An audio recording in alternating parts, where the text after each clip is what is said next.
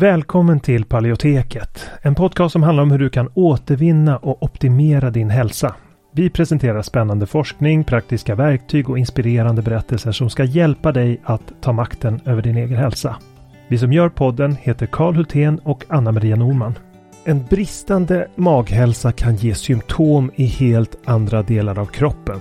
Det är något som många tyvärr inte känner till trots att mer än en miljon svenskar har IBS idag. Alltså problem med magen. Och tyvärr är magproblem i de flesta fall inkörsporten till annan ohälsa. Det kan vara inflammation, diffusa symptom, allergier eller autoimmun sjukdom. Och för att möta den här trenden av växande behov så har vi utvecklat kursen Maghälsa på djupet. Där vi går på djupet med att vända dålig maghälsa som SIBO och IBS. Och det här är viktiga delar av kursen som vi talar om och den senaste forskningen på de områdena. Och vi djupdyker i vad forskningen säger om de senaste naturliga terapiformerna, kostmetoder, kosttillskott, probiotika och så vidare.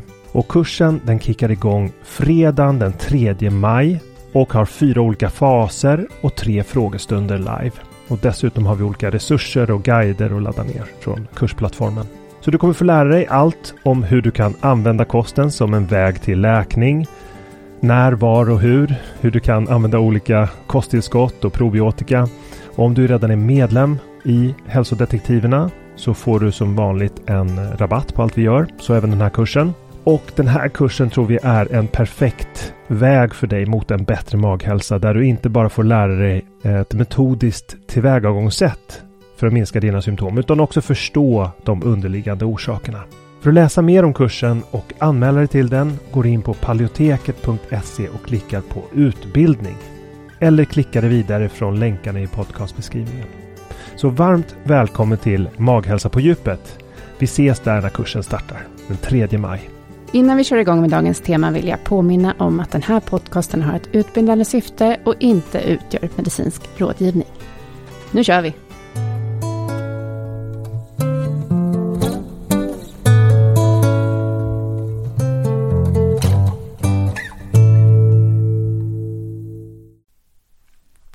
Hej och välkommen till dagens avsnitt. Temat är? Ja, vad är dag, dagens tema? Det är väl kolesterol. kolesterol. Ja, väldigt mm. spännande. Mm. Men det är alltså blodfetter. Ja, mm. precis. Det kommer handla lite om vad blodfetter är och lite kanske missuppfattningar kring det. Hur, hur det man, förändras när man ändrar sin kost. Och... Man kan tolka sina värden. Ja, precis. För det är ganska komplicerat. Det är inte bara att titta på ett värde, utan det är hur de relaterar till varandra. Ja, det är det verkligen. För att de beskriver olika delar av eh, effekter på ämnesomsättningen kan man säga. Mm. De olika LDL, HDL, triglycerider och blodsocker. Eh, man behöver titta på flera delar samtidigt för att förstå vad som händer. Och förra gången så, förra avsnittet så pratade vi om metabol hälsa och det här är en viktig del i metabol hälsa för att mäta det. Ja, precis. Mm. Det här är ju hälsomarkörerna mm. för metabol hälsa. Mm. Så det hänger ihop med det vi pratade ja. om sist. Det är ett väldigt viktigt kvitto på att det man gör med kosten funkar också. Mm.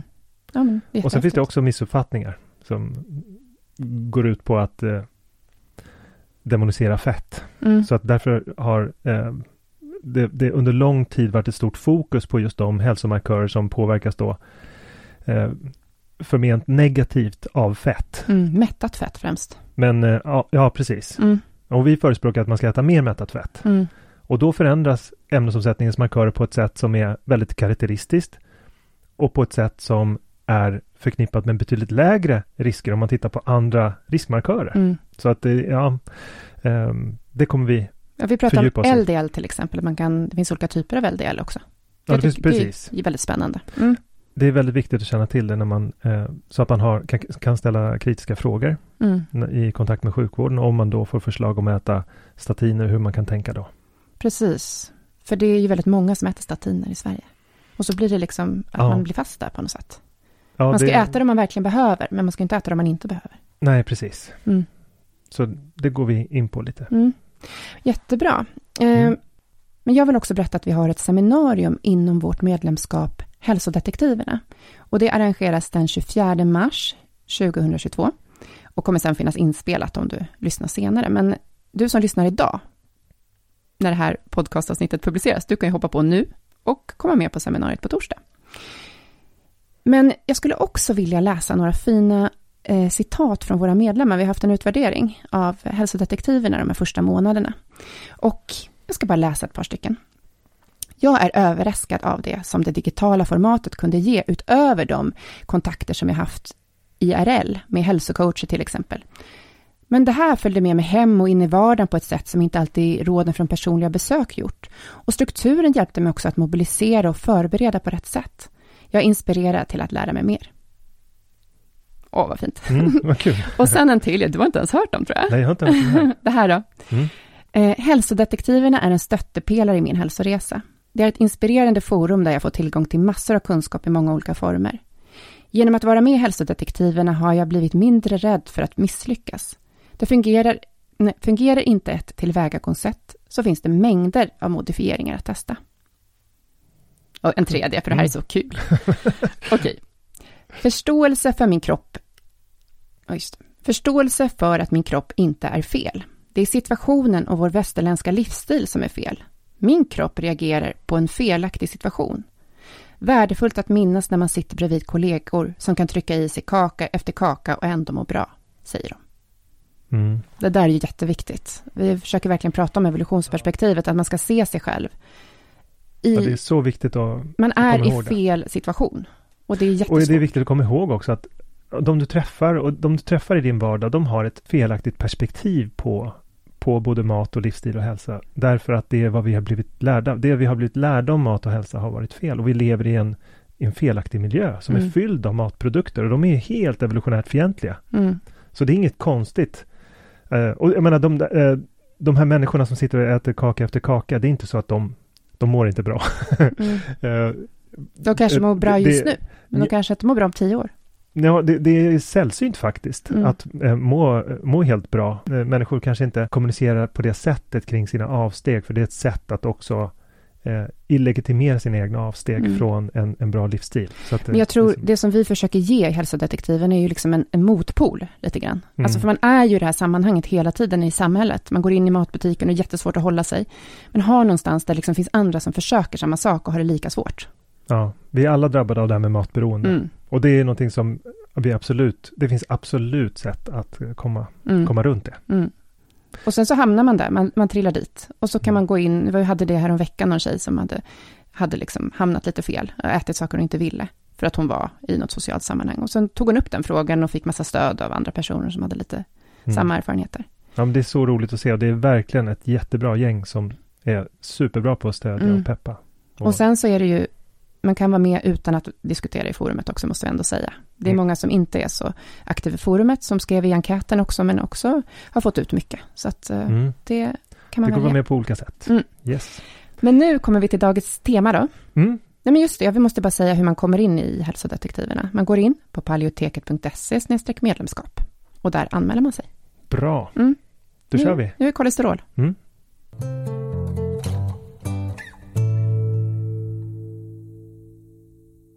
Vid mitt senaste läkarbesök visade det sig att jag har höga kolesterolvärden och min läkare vill nu att jag börjar ta kolesterolsänkande medicin. Vad ska jag göra? Den här typen av frågor har vi fått både nyligen och under lång tid och därför tänkte jag en gång för alla gå in lite på blodfetter. För de flesta som går över till mer hälsosam kost, de delar en gemensam upplevelse. De ser en ökning av det här påstått farliga LDL-kolesterolet och samtidigt ser de andra förändringar av blodsocker och blodfetter. Och under många år har vi fått oroliga frågor om det. Och därför tänkte jag nu gå igenom vad du behöver veta om kolesterol. För det är visserligen sant att LDL ökar med mer fett i kosten. Men det är samtidigt skräpmat, mjölmat, färdigmat, socker och växtoljor som gör att de LDL-partiklarna blir skadliga. Främst genom en process som heter glykering men också genom oxidation och det ska vi tala mer om nu. Och det du ska ta med dig om något från den här genomgången det är att det är stor skillnad på små och skadade LDL-partiklar och stora friska LDL-partiklar och vi måste se på helheten av hälsomarkörerna som beskriver metabol hälsa för att veta vad som verkligen sker bakom kulisserna i din kropp. Så när du ställer om till lågkolhydratkost, Eh, paleo, karnivor, AIP, LCHF eller keto eller något annat evolutionsbaserat kostupplägg så kommer du att äta mer mättat fett än tidigare. Du byter alltså ut processade kolhydrater, socker och växtoljor mot mättat fett och märker att du mår bättre, du blir starkare och får mer energi. Så hur kan det hänga ihop? Hur kan din upplevelse av bättre hälsa vara falsk? Det som brukar ske i ett typiskt blodprov när vi går genom en förändring av högkolhydratkost till lågkolhydratkost brukar vara att vi ser en ökning av det goda kolesterolet, vilket är kopplat till min, minskad hälsorisk naturligtvis. Vi ser en förändring, ofta till lite högre LDL-nivåer, men det kan också vara oförändrat. Eh, och det här kallas ju då för det onda, onda kolesterolet. Samtidigt så ser vi att triglyceriderna minskar kraftigt, vilket är ett bra tecken eftersom de kan vara kopplade till hjärt-kärlohälsa också. Och vi ser hur HbA1c, alltså långtidsblodsockret som är kopplat till långsiktiga hälsorisker, också minskar. Normala blodfetter och blodsocker för en person som äter processad mat och mer snabba kolhydrater är naturligtvis att man har ett lägre HDL-värde. Man har ganska normala eller oförändrade LDL-nivåer. Men framförallt så visar det sig att de här triglyceriderna som kallas VLDL finns i betydligt större mängd, vilket är ett dåligt tecken och det är kopplat till ökade hälsorisker. Och man ser också hur långtidsblodsockret brukar vara högre än vid lågkolhydratkost, vilket också är kopplat till ökad hälsorisk. Vad läkare i normala fall fokuserar på, det är LDL och totalkolesterol. Men ett ensidigt fokus på bara två markörer för metabol hälsa, det är problematiskt. För när en person ställer om till att äta mindre processade kolhydrater och mer mättat fett så ändras hela ämnesomsättningen. LDL kan gå upp, vilket kan vara kopplat till risk, men om det samtidigt sker en ökning av det goda kolesterolet och en minskning av triglyceriderna och att långtidsblodsockret ser bättre ut än tidigare, kanske till och med bättre än normalfördelningen, så finns det naturligtvis inte anledning till oro. Och för att förstå varför det är så behöver vi tala lite mer om vad kolesterol egentligen är för någonting. För om du som patient skulle fråga din läkare vad kolesterol är så skulle du troligtvis få höra namnet på de olika typerna HDL, LDL, triglycerider och så vidare och att det finns farligt LDL-kolesterol och gott HDL-kolesterol. Men vad du troligtvis inte skulle få veta det är vad kolesterol är och varför det behövs i kroppen. För faktum är att alla celler i din kropp innehåller kolesterol. Och det är helt livsavgörande för cellerna. Kolesterol är så viktigt att din kropp på egen hand producerar det om du inte äter tillräckligt. Alla cellmembran behöver kolesterol för att fungera eftersom kolesterol påverkar membranets funktion och rörlighet. Kolesterol är också byggsten för D-vitamin som bildas i huden men också för könshormonerna stresshormon, östrogen och testosteron som är helt avgörande för mäns och kvinnors hälsa.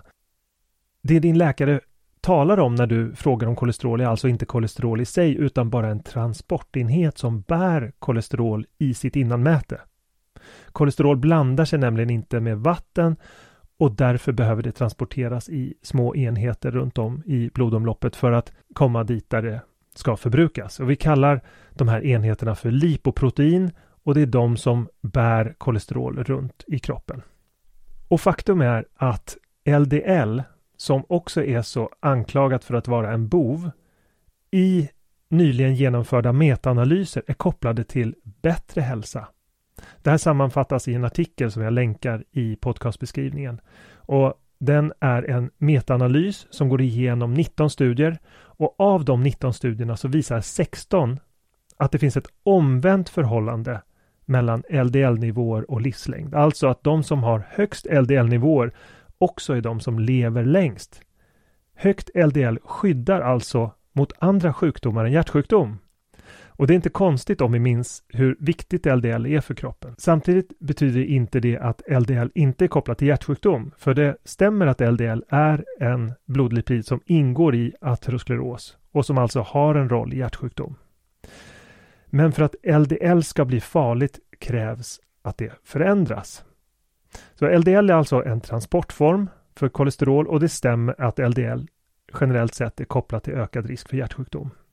Men på senare tid har forskningen gått framåt och vi vet att det inte är så enkelt som att högt alltid är dåligt och lågt alltid är bra. Det LDL som vi hittar i kärlen hos personer med hjärtsjukdom är nämligen alltid skadat. Och den skadan uppstår på två sätt.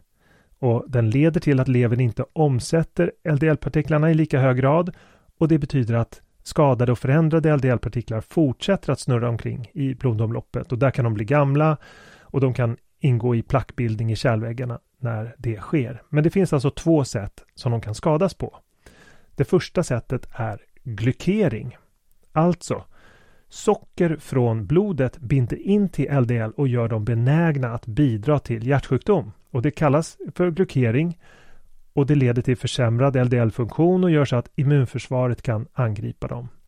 Och det kan till och med bli så att immunkomplex med LDL-partiklar snurrar runt i blodet på grund av den här. Och då vet vi också att behandling med statiner hjälper till att minska mängden glykerat LDL. Men det finns många andra sätt att med livsstilen göra precis samma sak. Den andra processen som kan leda till att LDL förändras och skadas det är oxidering. Och eh, det är en process som liknar rostangreppen på en bil kan man säga. Och det kan drabba LDL-partiklarna och göra dem benägna att ingå i plack som med tiden leder till hjärtsjukdom. Den här processen kallas också för oxidering och den sker om nivån i kroppen av inflammation är för hög. Och här spelar också glykering en viktig roll, som jag just nämnde med de här immunkomplexen, eh, som gör att eh, LDL kan snurra runt och, och orsaka inflammation. Men slutsatsen av det här är alltså att det som leder till glykering är dåligt och det som leder till oxidativ stress är dåligt. Så glykering, hur ska vi då förebygga det? Jo, högt blodsocker under för lång tid är den främsta orsaken till glykering av LDL-partiklar. Och det är därför som diabetiker löper en ökad risk för hjärtsjukdom. De har mer glykerat LDL i blodet och det eh, diabetiker har svårt med att hantera sin kost, det är ju kolhydrater. Det är kolhydrater som innehåller glukos som är den molekyl som glykerar LDL-partiklarna.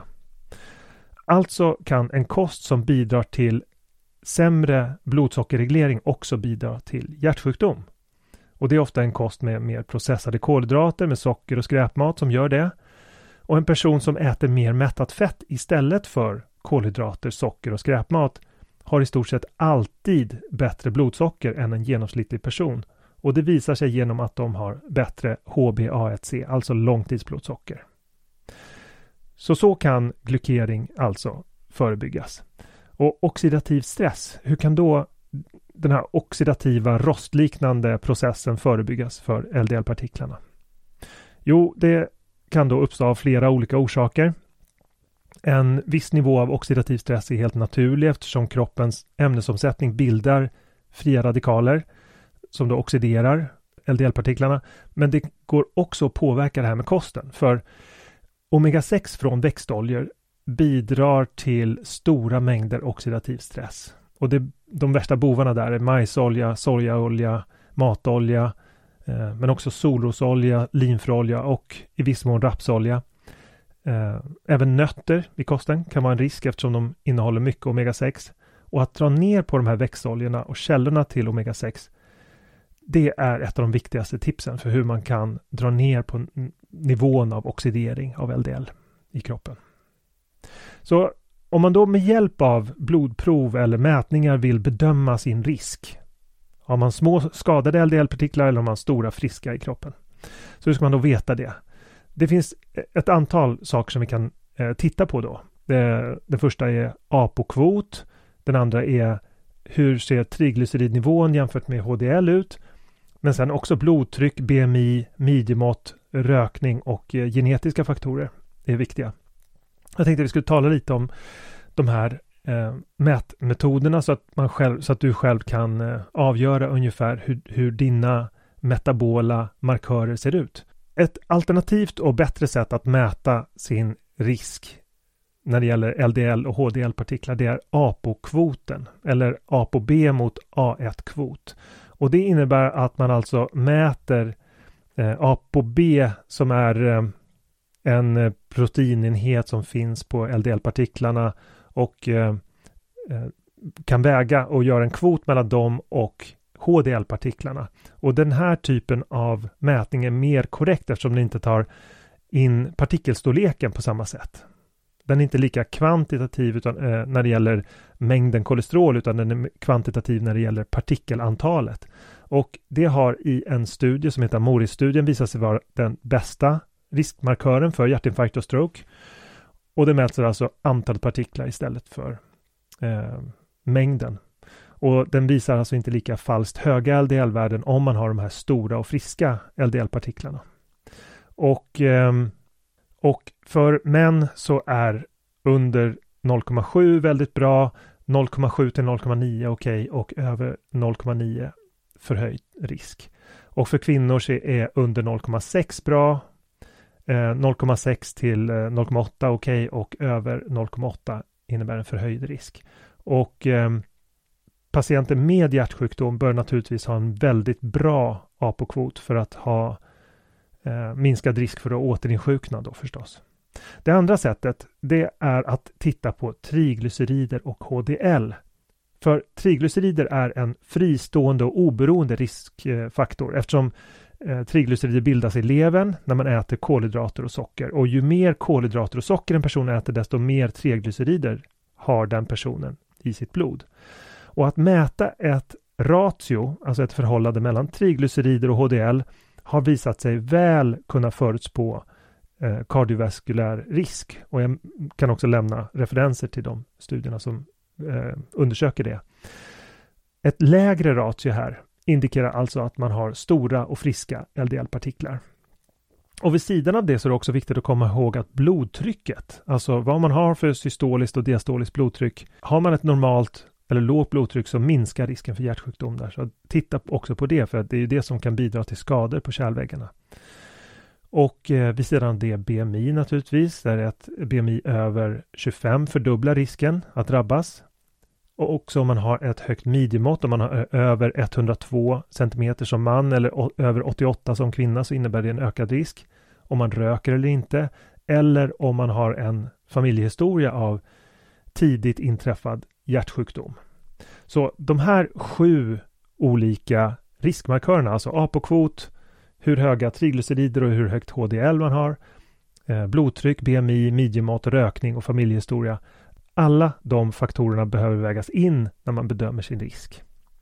Så du behöver alltså bedöma hela din hälsa för att avgöra din risk för hjärtsjukdom och ställa dig de här frågorna och fundera över hur ser min helhetshälsa ut? Och midjemåttet där är väldigt, väldigt bra för att avgöra sin metabola hälsa. Sen vet vi också att oskadat LDL, alltså i form av stora LDL-partiklar, är inte farliga utan bara små glykerade oxiderade LDL-partiklar. Så försök att äta på ett sätt som gör att ditt blodsocker är under kontroll så att du inte får de här skadorna på LDL-partiklarna, att du inte blir inflammerad.